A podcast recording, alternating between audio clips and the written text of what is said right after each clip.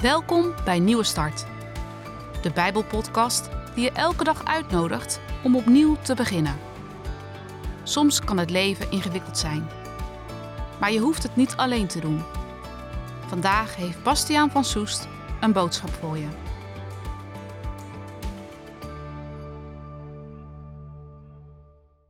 Ik lees jullie een paar versen uit eh, Johannes 10, waar Jezus zich vergelijkt met een eh, herder. Jezus zei: Ik ben de goede herder. Luister. Een goede herder geeft zijn leven om zijn schapen te redden. Maar iemand die ervoor betaald wordt om de schapen van een ander te passen, die doet dat niet. Dat is geen echte herder. Hij zorgt niet goed voor de schapen, want ze zijn niet van hem. Als er een wolf aankomt, laat zo iemand de schapen in de steek en vlucht weg. Dan valt de wolf de schapen aan en jaagt ze uit elkaar.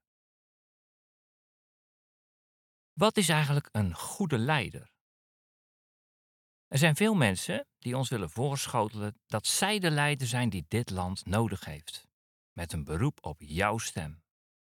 Vaak komt er van die toezeggingen weinig terecht zodra ze hun verkiezingsoverwinning gevierd hebben.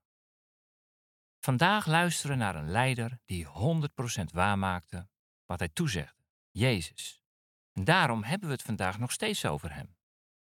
Over tien jaar is Mark Rutte een voetnoot in de geschiedenis. En er zijn er weer nieuwe leiders. Jezus deed alles anders. Ruim 2000 jaar geleden begon bij hem een nieuw verhaal, het Nieuwe Testament. Laten we eens kijken hoe dat ging. Jezus begon zijn openbare optreden toen hij ongeveer 30 was, als een Joodse rabbi. Daar had je er meer van. Een rabbi was een soort leraar die leerlingen om zich heen verzamelde. En die onderwees hij dan in de Joodse Torah. Bijna altijd kwamen die leerlingen uit Jeruzalem, het religieuze centrum van Israël. Maar zo niet bij Jezus. Hij zocht zijn leerlingen uit een achterafgebied, Galilea, ergens in het noorden. Een omgeving met vissers die met hun bootjes het meer van Galilea opgingen. En daar riep hij twaalf leerlingen, zo uit de praktijk bij de visnetten vandaan. Ruwe kerels, misschien wat onbehouden zelfs. Zulke mensen als leerlingen van een rabbi. Dat was revolutionair. En als we kijken met welke mensen Jezus zich vooral bezighield, dan maakt hij dat zelf duidelijk in een ander verhaal over een herder. Er was eens een herder en die had honderd schapen. Er is een schaap wat steeds meer aan de rand van de kudde raakt. Dit schaap raakt de verbinding kwijt en verdwaalt. Als de herder merkt dat juist dat ene schaap van de radar verdwenen is, laat hij die 99 anderen achter en gaat op zoek naar het ene schaap. Een sprekend beeld. Jezus die geeft aan dat hij juist die mensen opzoekt die de verbinding kwijtgeraakt waren. Door wat voor omstandigheden dan ook. We lazen zojuist de uitspraak van Jezus: Ik ben de goede herder. En die geeft zijn leven voor de schapen. Juist als er wolven zijn, dan is daar de herder die voor zijn kudde staat. Een ingehuurde kracht die doet dat niet. Die is meer met zijn eigen hachje bezig en vlucht als het gevaarlijk wordt, omdat die schapen voor hem weinig voorstellen. Het verschil zit hem dus in hoe je naar je schapen kijkt. Jezus ging de relatie aan met de mensen aan de rand. En Jezus gebruikt daar het ouderwetse woord barmhartig voor. Dat betekent letterlijk een brandend hart. En met die liefde keek Jezus naar mensen, naar jou en ook naar mij. Die benadering die heeft hem uiteindelijk de dood gekost. Een kruis.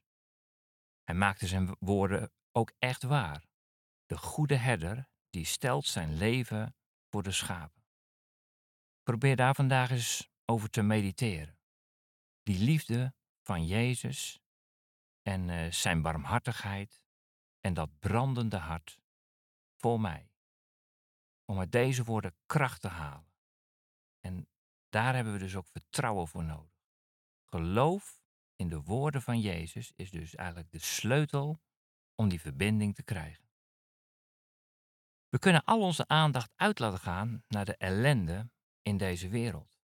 Of de ellende in ons eigen leven. En afvragen, als God liefde is, waarom dan deze ellende? Zelf worstel ik er ook wel eens mee. Waar is God in dit verhaal? Maar we kunnen ook naar het andere verhaal kijken. De goede herder. Hoe hij in een corrupte wereld het verschil maakte. Jezus, het beste wat deze wereld overkomen is. U daalde af in onze wereld. En met een genadevolle nabijheid bent u ons tegemoet gekomen. Nog steeds wilt u zo ons leven binnenkomen.